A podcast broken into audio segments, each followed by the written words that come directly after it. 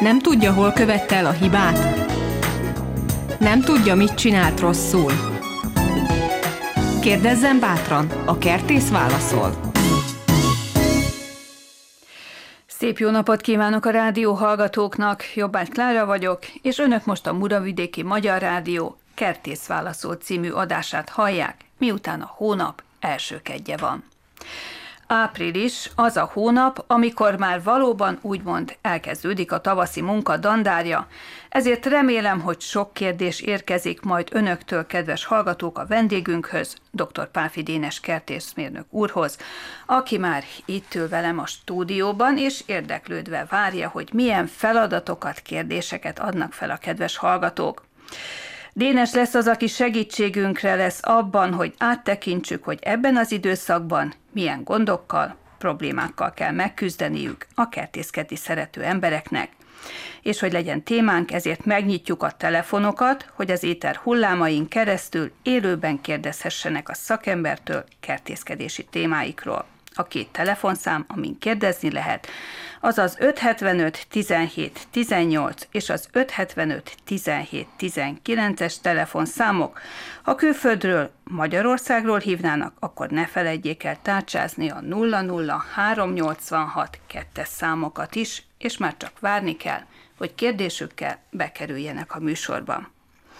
És amíg megérkezik az első kérdés, beszéljünk arról, mit is csinál a mi kertészünk, ebben az időszakban, mert biztos, hogy ami az ön feladata, az a mi feladatunk is. Én is nagy tisztelettel és szeretettel köszöntöm kedves műsorvezetőnket, Lárikát és kedves hallgatóinkat. Én is bízok abba, hogy lesz telefonálunk, de akkor se haragszunk, ha nem lesz, mert valóban itt van szinte mindennek a vetési és ültetési ideje, palánták kivételével, mert tavasz megint kihagyta az időjárás, beköszöntött a nyár. Ahogy beírtam hosszú faluba, most reggel jövetelkor, negyedik vagy ötödik háznál baloldalt, egy csodálatos májusfa van, a Prunus pádus, olyan virágpompába, hogy habzik a hófehérségtől. Ez azért májusfa, mert május közepén virágzik. De még csak április eleje van. Igen, itt van a kutya eltemedve, ahogy mondani szoktuk, április eleje van, ötödike, és csodálatosan virágzik a fa. Tehát ennyire előre van a természet, vagy legalábbis többsége a természetnek. Természetesen fajok, fajtától függően változik a helyzet, de lassan az erdeink is kizöldelnek, ahogy a tegnapi nap is 27-28 fok. Tehát ezek nagyon fontosak. Igen, minden konyhakerti növényt, aki még nem vetette el a gyökérzöldségféléket, a borsóféléket, aztán a mákot, a hagymaféléket, magról is, meg dughagymáról is ültedve, minél sürgősebben tegye, lehetőleg addig, amíg tartalék vize van a talajnak.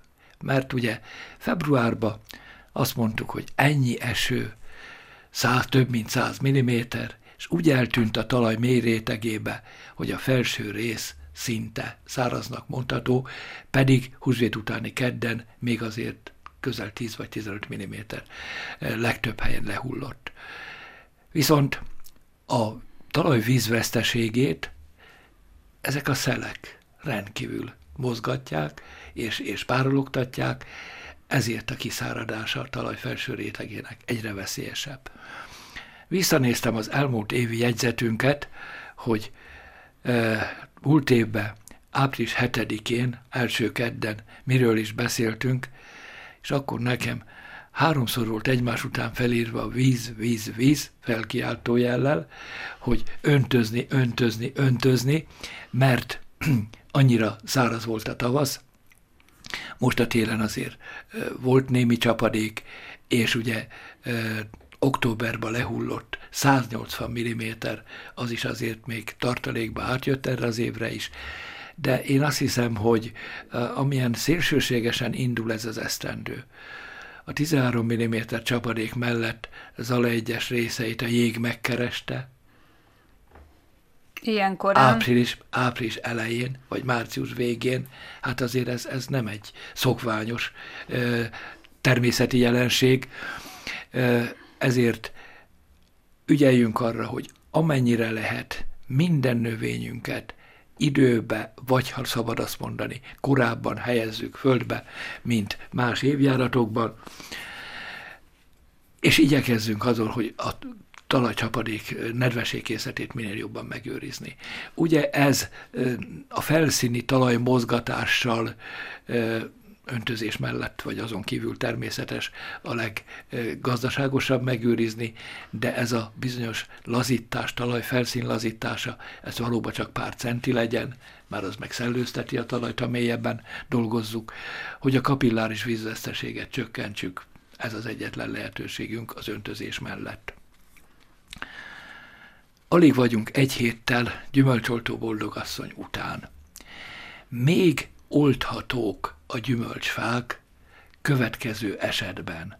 Ha időben megszedtük nyugalmi állapotba az oltóveszőket, akkor ezzel minden további nélkül még oltat, oltatunk 7-10 napig, mert ugye az oltásnak azért több ö, sikerének több kritériuma van. A kettő a legfontosabb, hogy az oltóvesző minél jobb nyugal, minél nagyobb nyugalmi állapotban legyen, viszont az alany minél jobb netkeringésbe.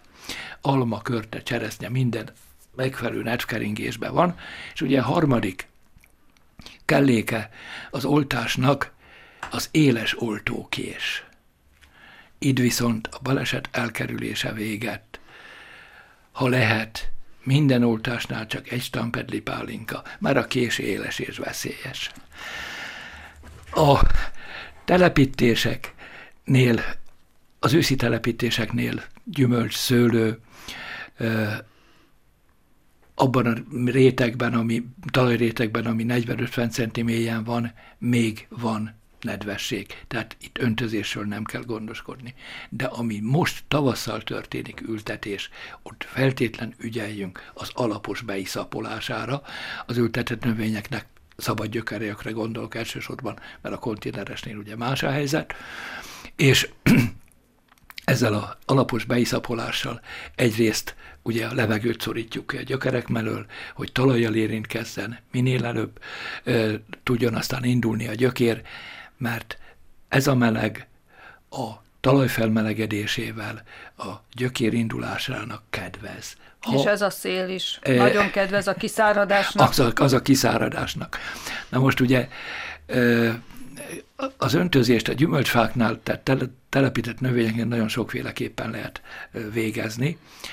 Én azt javaslom, hogy amikor egy-egy gyümölcsfának azt a 10-12 liter vizet odaöntöttük, még nem teljes betemetett gödör mellett, ugye, hogy elférjen a víz, legyen víztér, utána már ne ülepítsük a talajt, ne gyömöszöljük, csömöszöljük, mert ezzel csak tönkretesszük ott a talajt, viszont normál talajjal takarjuk be ezt a beöntözött részt, ami megakadályozza felrepedését, mert repedezését ennek az eláztatott talajnak, a cserepesedését, és ez a friss talaj, amit laza rétegben rá rétegezünk az öntözött talajra, ez egyben véd a kapillári vízveszteséget. Vagy pedig mulcsozzuk. Köszönöm. Mert most mert már ez a, a kaszálási szezon is elkezdődött sajnos. Igen, igen. Ez, ez a másik, illetve a legtökéletesebb megoldás, hogy amikor ezt a talaj takarást megcsináltuk, utána, ha még valami növényi hulladékkal, akár kaszálék, akár laza komposzt, tehát még nem földérett komposzt, ezek mind védik a talajt a kiszáradástól. És ugye érdekes dolog, hogy a gyökér képződésnél az lenne egy jó dolog, hogyha egyenletes hőmérséklet lenne. De hát ugye nappal felmelegszik, éjjel lehűl, de ez a takarás még ezt a hullámzó hőmérsékletet is ellensúlyozza, tehát egy egyenletes hőmérsékletet tud biztosítani a növény gyökeresedéséhez, ami előnyös a gyökérszám, képződés számára. Ha már itt a gyümölcsfáknál vagyunk, akkor kicsit beszélgessünk arról, hogy ezeknek a fáknak nagy többsége már ö, virágzik, vagy fog virágozni.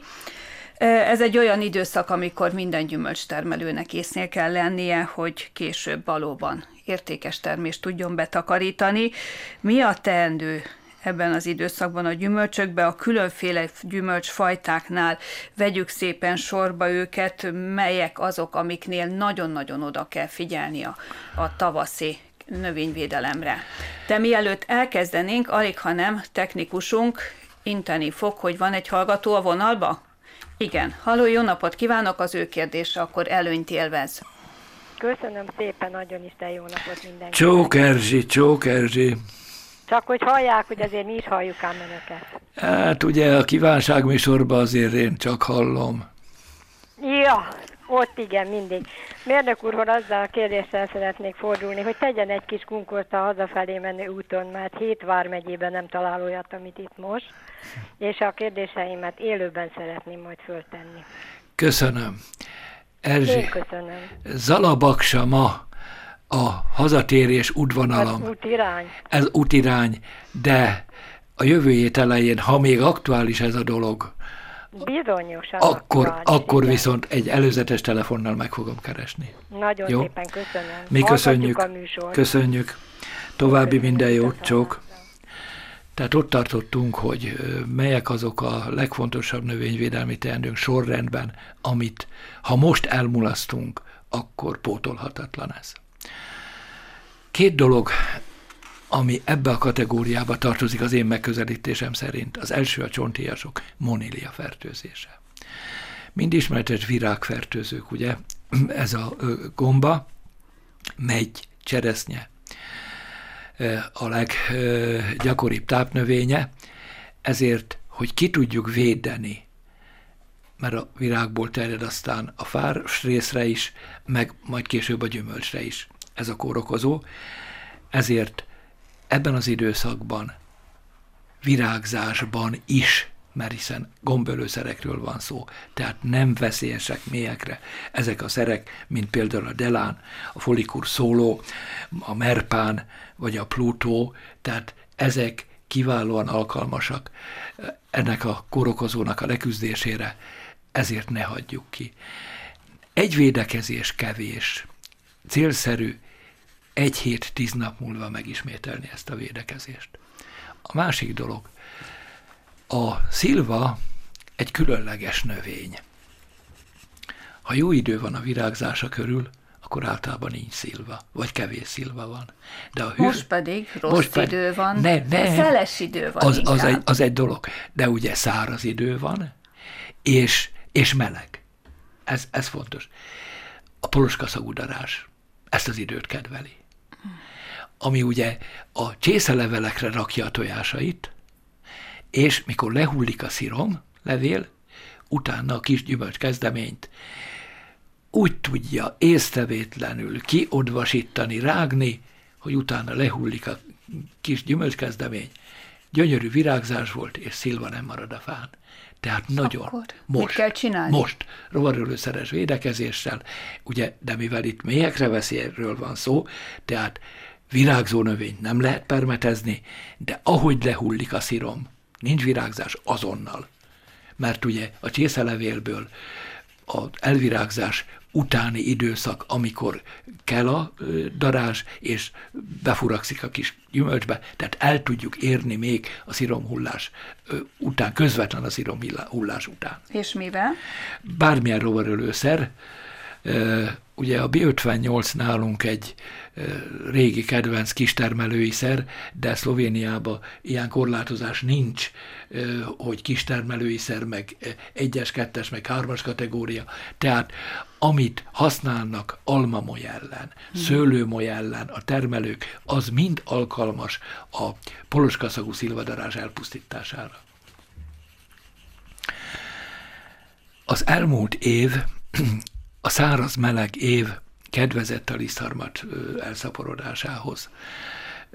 Szőlőbe is, de lisztharmatra érzékeny minden gyümölcsfajtánkba. A közmététől kezdve egyes ribiszkefajok, amik érzék, fajták, amik érzékenyek lisztharmatra, a Jonatán alma és Jonatán hibridekig bezárólag, ugye, mert nemesítésnél, amelyik almafajtában Jonatán vér van, az biztos, hogy lisztharmatra érzékeny lesz.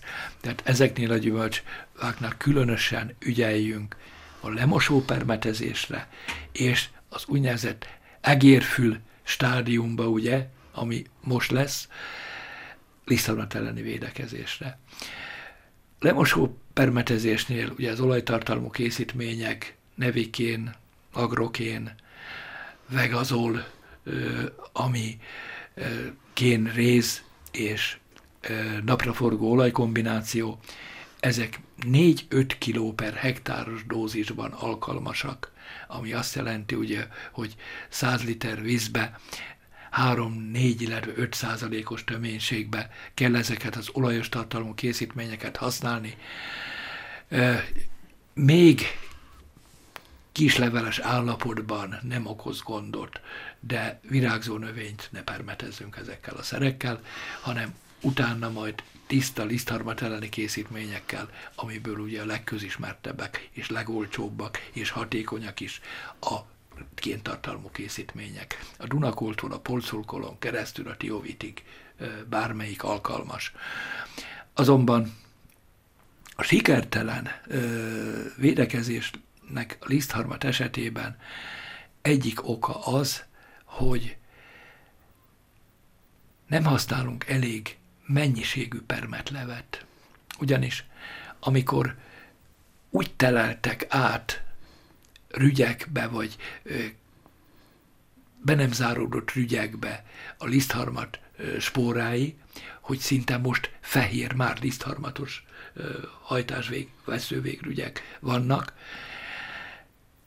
azok taszítják a permetlevet a spóra tömeg miatt. Tehát ezt áztatásszerűen kell permetezni, természetes, az lenne a legideálisabb, ha ezeket meccéssel eltávolítanánk a fáról, mert ugye akkor ilyen probléma nincs, hogy megtapad rajta permetlé, vagy nem tapad meg. Tehát bő permetlével, megfelelő dózissal, kéntartalmú készítményekből virágzás előtt gyümölcsfáinknál 75 deka 100 liter vízbe használható, mert később majd virágzás után csak 0,3-0,5 százalékos, vagyis 30-50 deka 100 liter vízbe, ami felhasználható kénkészítmények közül. Figyelmeztetni szokták a termelőket, vagy a kéntartalmú készítmények felhasználóit, hogy 25 Celsius fok felett vigyázzunk a kéntartalmú permetőzőszerekre, mert perzselést okozhatnak. Ugye a magas hőmérsékletben felszabadul a kéndioxid, és ez perzselést okozhat. Ez a hőmérséklet általában dél egy óra körüli idő, ugye a legmagasabb hőmérséklet, ezért a reggeli órák és az esti órák szélmentesek általában legalkalmasabbak ennek a permetezésére. Szőlő esetében Maradjunk még egy-két gyümölcsfánál. Igen. Kimaradtak a baracfélék, még talán érdekelne a birs is. Na most a birs a csonthéjasok közé, tehát a cseresznye megy, mert ott a monilia a, Igen. a fő gond, ami szintén virágfertőző, aztán ugye a meglepetés akkor van, amikor már sárgul az gyümölcsön a fán, aztán egyik nap még gyönyörű citromsárga, másik nap meg vánkos penészel már teljesen fedett, mert a monilia egyik napról a másikra időjárás függvényében természetes, úgy el tud hatalmasodni. És ugye a bírs esetében se elég az egyvédekezés az említett szerekkel, de tanácsos elvirágzás után majd most a delán és a felsorolt szerek de később a résztartalmú szerrel is védekezni, és különösen a gyümölcs érés előtti időben még egy rezes permetezést a bírsnek célszerű adni. És ami még a bírsnál, bírsnél számomra furcsa, hogy amíg régebben azért mindig is voltak mumifikálódott termések fönn a nagyfán, de azok legalább télen lepotyogtak. Igen. És eltűntek. Igen, most, most pedig rászáll. hosszú bottal se lehet őket leverni. Igen, igen, igen. Ugye ez az bizonyítja, hogy annyira tönkretette az egész gyümölcsöt a monília, hogy szinte rászáradt a fára. Mert ha csak félig rothad el, egyéb leullik, akkor könnyen elválik a ö, kocsány. De amikor az egész gyümölcsöt elrothasztja a monília, az szinte rászárad a fára, ezért nehéz. Szilva esetében is ez egy tipikus példa, úgy még a több gyümölcs összetapadása is a monília által egy jellemző dolog. Visszatérve a barackot, említettek Lárika, ez egy nagyon izgalmas kérdés már ha őszi barack. Mert egy órával ezelőtt még az első levél podrosodás tünetét találtam meg, de hajtás csokrokba. És magonc őszi barackba, nem is fajtába. Hát ugye itt azt tudjuk már mondani, hogy halottnak a csók, mert a őszi barack tafrina levélfodrosodás ellen a védekezés igazából akkor nagyon lényeges, amikor a rügyből az első egy-két milliméteres zöld levél kikandikál, mert ott tud fertőzni. A korokozó, és ugye lelkileg megnyugtathattuk magunkat, egy rezes permetezést adtunk a fáknak, mert később nem lehet a levél kilukasztása miatt, de sajnos ettől még fertőzhet a levélfodrosodás, mert nem a fán telel, hanem a talajba, és a nedvesség hatására csapódik fel a spóra, és fertőzi a fiatal leveleket. Természetes, még most is hatásos a védekezés ellene, a további fertőzés megakadályozására. Erre a delán kiválóan alkalmas. Célszerű azonban a nagyon fertőzött levélcsokrokat kevés fánál különösen eltávolítani meccéssel, hogy ne legyen nagyobb mennyiségű szaporítóképet a jövő évi fertőzéshez. Mert azért nem szoktak a termelők erre különösebb gondot fordítani, mert ez egy tavaszi problémája a fának, ugye. Mintha kiondolálnák szépen, bodorítják a levelét, a fának egyes fajták nagyon érzékenyek, a tafrina ezt idézi elő, aztán lehullanak ezek a levelek, Természetesen ez egy jelentős asszimilációs veszteséget jelent a fánál, és itt nagy termést nem várhatunk ettől a fától, vagy szép darabos termést, ezért célszerű időbe elé menni a védekezéssel, a fertőzésnek, hogy elkerülhessük ezt a problémát. Tehát szépen végigvettük a különböző gyümölcsféléket, talán még a sárga barack, sárga, a kajszi barack, igen, ami kimaradt. Igen, most nagyon érdekes, hogy a sárga barack, tehát a kajszi baracknál egyes fajták a moniliára rendkívül érzékenyek. Mégpedig len olyan mértékig károsodhatnak a fák, mint például egyes érzékeny cseresznyi és megyfajták. Ágrész elhalások, termőrészek elhalása, tönkretétele. Ugye ilyen fák, fajták, amik ennyire érzékenyek a betegségre, ezt igazán úgy tudjuk csak megvédeni, vagy legalábbis szinten tartani a növény egészségi állapotát, hogy a fertőzött részeket egy-két centis épp egészséges résszel együtt levágunk a fáról. Ez iszonyatos munka. Egy 8-12 éves fának a koronája, ugye, hát már nem kicsi termőfelület van ott, és ez mind végigbogarászni, és ollóval eltávolítani ezeket a fertőzött részeket. Ezért én az, azon a véleményen vagyok, hogy az idő szelektálja a fajtákat.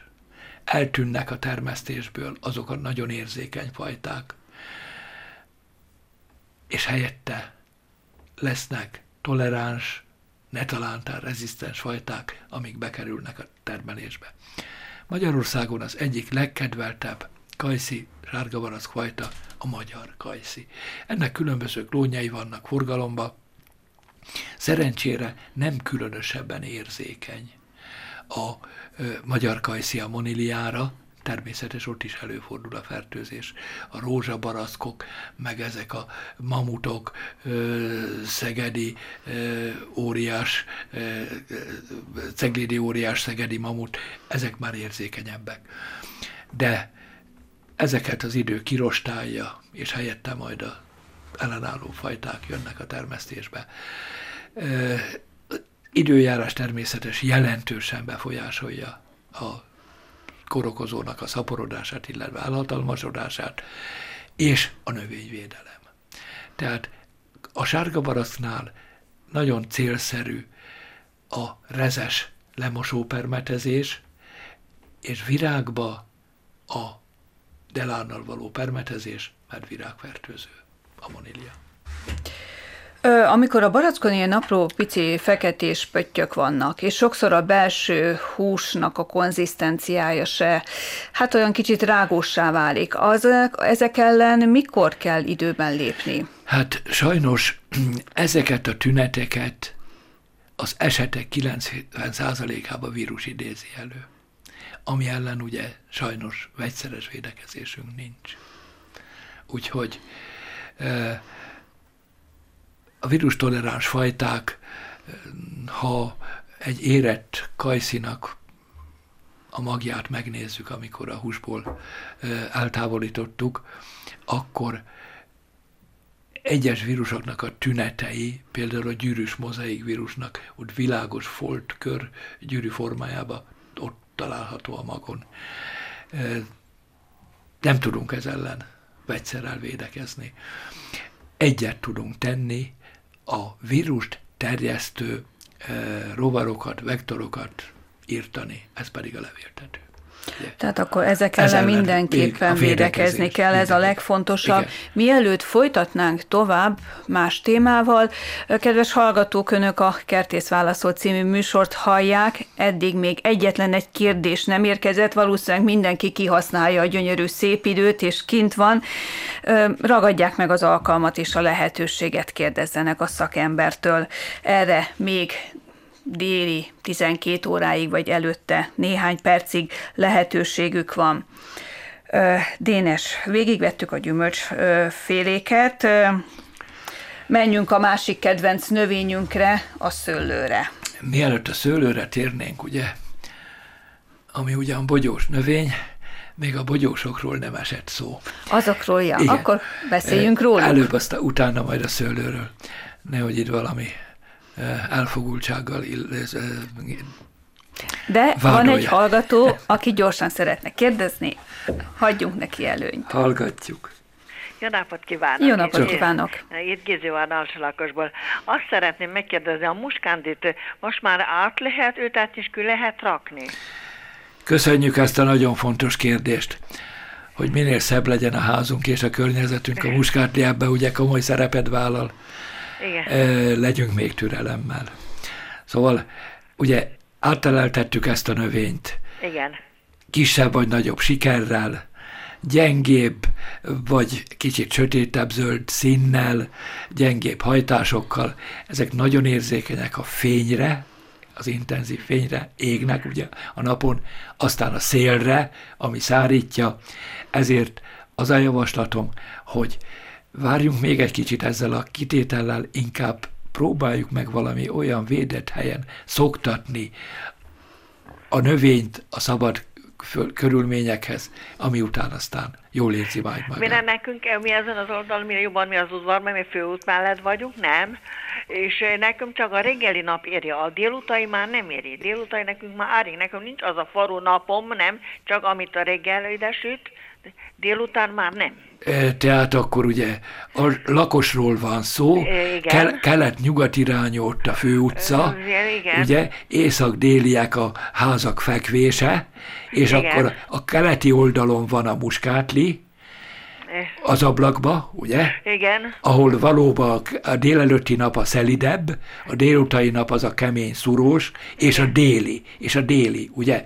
Igen. Ha északról van a ház, akkor a út, ablak, az utca felüli ablak, a déli ablak, ott, ott nagyon ki van téve az inszolációnak. Az azért mi, mi nem vagyunk nagyon az utcisről, mi így a fű az ablakban, mi nem tehetünk, miért teljesen kül vagyunk a járdos szélén, nem? Értem. És, itt, és azért én nekem van ö, muskár, de mint itt az udvarban, én nekem van itt ablakunk, nem? Az előszobán, és itt van én nekem Értem, muskár. értem. Na most ugye két dolog kellene ahhoz, hogy igazán kitehessük véglegesen szabadba ezeket a növényeket. Ha, amint említettem, szoktatjuk a külső levegő, hőmérséklet és fényviszonyokhoz. Ez ugye olyan helyen történhet meg, ahol félárnyék van, valami fa a ház előtt, ami alá ki tudjuk helyezni ezeket a növényeket, mert és szélvédelem. Ez a kettő. Igen. Félárnyék és szélvédelem. Ö, ültetésről is tetszett szólni. Igen. Ö, most ezek ö, kis edénybe vannak, Igen, kisebbel vannak, és akkor így beleütök lád, a ládába. ládába. Na most a ládába milyen földkeveréket szokott használni? Én ezt nem tudom, multifödet, ami jobban... Igen, igen, azt az univerzális baltit, ami legtöbb virágzó növénynek megfelel? Ilyen Igen. Tőzep ala, tőzeg alapanyagú. Igen, ez a Valentin vagy... Igen, igen, igen, igen. Na most egy-két hónap után, mert ez kezdetben csodálatos, de egy-két hónap után ugye azért kopik belőle a tápanyag, és akkor nem tudom, hogy mivel szokta pótolni a tápanyagot. Vízbe, nem műtrágyos félivel fogszolta. de ez valami kombinált műtrágya, vagy folyékony misung. Nem, A- folyékony ez, nem. nem Tehát folyik. szilárd, szilárd. Mert ugye Igen. az ozmokot a legbiztosabb ilyen esetben, amiben ugye három hónapos, meg öt-hat hónapos hatású készítmény kapható, kis gyöngyök, és abból 10 literenként a földbe keverni három-négy dekát, ez Igen. gyakorlatilag egész évre ellátja a muskátlinak a tápanyagigényét, és gyönyörűen virágzik tőle a muskátli. Én nagyon szépen megköszönöm. Kérem, mi is a kérdését. További sok sikert és Köszönöm, viszont hallásra. minden jót. Tehát a bogyósoknál tartottunk. Igen. Ha sorra vesszük, piros-fekete ribizli. Ö, Két komoly rovarkártevője van, ami ugyan három, mindkettőnek. Az egyik a kaliforniai pajstetű. Ez ellen minden éven célszerű az olajos lemosó permetezést elvégezni. Mert ezzel tudunk a leghatásosabban védekezni ellene. Csak már ez leveles. Ö, igen, bizonyos helyeken, nem mindenhol, de védett, napsütötte helyen és nem mindenfajta leveles Igen. még. A másik dolog, a üvegszárnyú ribiszke szitkár, aminek csak kártételével találkozunk a ribiszke bokrokba, ami azt jelenti, hogy a két-három éves fás rész elszárad. És ha kivágjuk ezt a fás részt, akkor a belsejébe egy rágás utat találunk, mert a szitkárnak a lárvája ezt tette tönkre.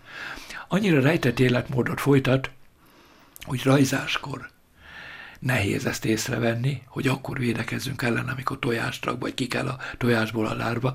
Ezért ez a mechanikai védekezés, hogy az elszáradt részt könyörtelenül vágjuk ki a bokrokból, tőből, és égessük el.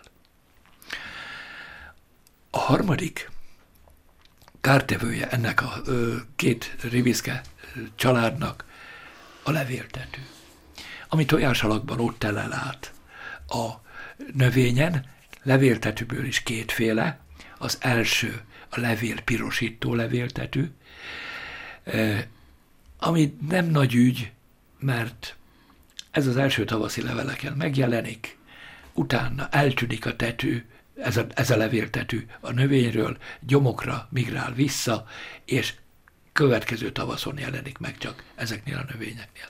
Viszont a zöld levéltetű, az egy komolyabb dolog, ami ugye a hajtásokat tudja görbíteni, torzítani, és a növény növekedését teljesen leállítani, vagy hát lecsökkenteni. Ez ellen a lemosó permetezés, ugye, amit már ha az idén nem tudtuk elvégezni, akkor jövőre nézve ez nagyon fontos dolog. Vagy ha megjelent már maga a kártevő, a levéltető, akkor például a pirimor erre egy roppant egyszerű szer és nagyon hatásos feltétlen védekezni. És valószínűleg rövid időn belül kell is majd használni, mert ebbe a meleg időszakban biztos, hogy meg, gyorsan és, megjelennek. És ugye a száraz meleg. Levéltetveknek általában ez azért a nedves, hűvös időt a levéltetvek nem kedvelik. Szamóca. Nagyságrendben ugye föltől fölfelé kellett volna indulni, de hát most a lágyszáru következik. Lassan virágzik a szamóca. Ezért a szamóca atka ellen még hatásosan be tudunk avatkozni. Mert itt ez a legnagyobb ellenség a rovarkártevők közül, az Aktara nevű készítmény, vagy minden olyan atka elleni készítmény, amit szőlőbe vagy gyümölcsösbe használunk, hatásos az atka ellen is. Itt a széles atka a ö, közellenség, bőpermetlével, mosdatásszerűen, áztatásszerűen védekezzünk a kártevő ellen. A másik komoly probléma a szamócánál a szürkepenész. Ez ellen ugye rézzel tudunk leginkább a, ö, védekezni a szamócánál, mert ha rézzel védekezünk, akkor egyben a levéllikasztó betegség ellen is védekezünk a növénynél, tehát két egy csapással két legyet is üthetünk. A szabócánál a szürke kártétele, tehát itt szürke penészről van szó, a szürke rotadás kártétele az ugye a gyümölcsérés idejében jelentkezik. De hogy szinte sterilizáljuk az ültedvényt a szürke penész kórokozójától, ezért célszerű elvirágzás után legalább két rezes permetezést adni, ami a lombbetegségek ellen és a szürke penész ellen megelőzően véd. Málna. Ugye a Málnánál az első teendőnk az volt, vagy még, ahol nem történt ez meg elvégezhető, a letermed vesszők eltávolítása és elégetése, a múlt évi letermed vesszők. Mert helyette ott van az új, amiből ugye szó volt már róla, hogy 8-12 darabot hagyunk folyóméterenként, és ott vágjuk vissza a málna veszőit, ahol görbülni kezd mert egy darabig egyenesen nő, aztán a végén gyengül a növekedés, és elgörbül a márna veszélye, és az egyik hajtás az 50-60 centinél görbül, a másik meg másfél méternél, ne csináljunk ebből ügyet, ott vágjuk el, ahol görbül, mert ezzel egyben a termést is elosszuk függőleges irányba, és e, jobb fényviszonyok közé kerül, és e, zebben érő málna lesz. A málnának tulajdonképpen a korokozói és a kártevői ellen a lemosó permetezés az egyik leghatásosabb védekezés, mert később gyakorlatilag a málnánál különösebb védekezés nincs. Viszont a szedernél, ami ugye alig 25-30 éves növény, itt úgy Szlovéniában, mint Magyarországon is a tüskementes szederről van szó, ennek van egy komoly veszőfoltosság betegsége, ami a múlt évi éves veszőkön lilás elszíneződésű, majd feketére színeződő foltjai jelennek meg a vesző különböző helyén a tő, tövétől kezdve egész a vesző csúcsáig megjelenhet ez a tünet. Aztán, ahogy halad előre az idő, úgy ez a folt egyre inkább elhatalmasodik, és amikor átöleli a veszőt, akkor mind a kajszínál a gutaütés ugyanúgy hervad le, szárad el a termő vesző, és ez teljes terméskiesést jelent. Védekezési idő két, illetve három időpontban nagyon lényeges. Az egyik még hajtás előtt még időben van, rezes permetezés, lemosó permetezés, aztán amikor majd az új hajtások elérik az egy-másfél méteres növekedést, azoknak a rezes permetezése, illetve termésérés után célszerű a tomfri az a leggyakoribb szederfajta a termesztésbe, ugye szeptember végével érik le tulajdonképpen, tehát egy szeptember végi, október elejé lemosó permetezés rézzel nagyon jótékony hatású. De most miután nagyon fogy az időnk, térjünk át a szőlőre. szőlőre. Számos feladat vár a gazdákra, mi ellen kell védekezni, mikor és hogyan. Itt vannak az atkák, a veszőfoltosság, ami Igen. az utóbbi időben elég gyakran észlelhető. Mit tegyenek a szőlőtermelők? Hát ugye sajnos gyarapszik a probléma a szőlőbe, ami ellen védekeznünk kell. Így van ez a csoda aranyszínű sárgulás esete is, ugye, ami hát eléggé megnehezíti most a termelőknek a dolgát, ami ellen ugye nem a sárgulás ellen közvetlen, hanem a terjesztője ellen, az amerikai kabóc elleni védekezés, a gerince ennek a mikoplazma terjesztésének, illetve megakadályozásának. Ebben az időszakban a lemosó permetezés az általában két kórokozó, illetve kártevő ellen hatékony. Olajos, kéntartalmú permetező szerről van szó. Ez egyrészt az atka, szőlő levélatka elleni védekezés, a másik pedig a lisztarmat elleni védekezés. Mindkét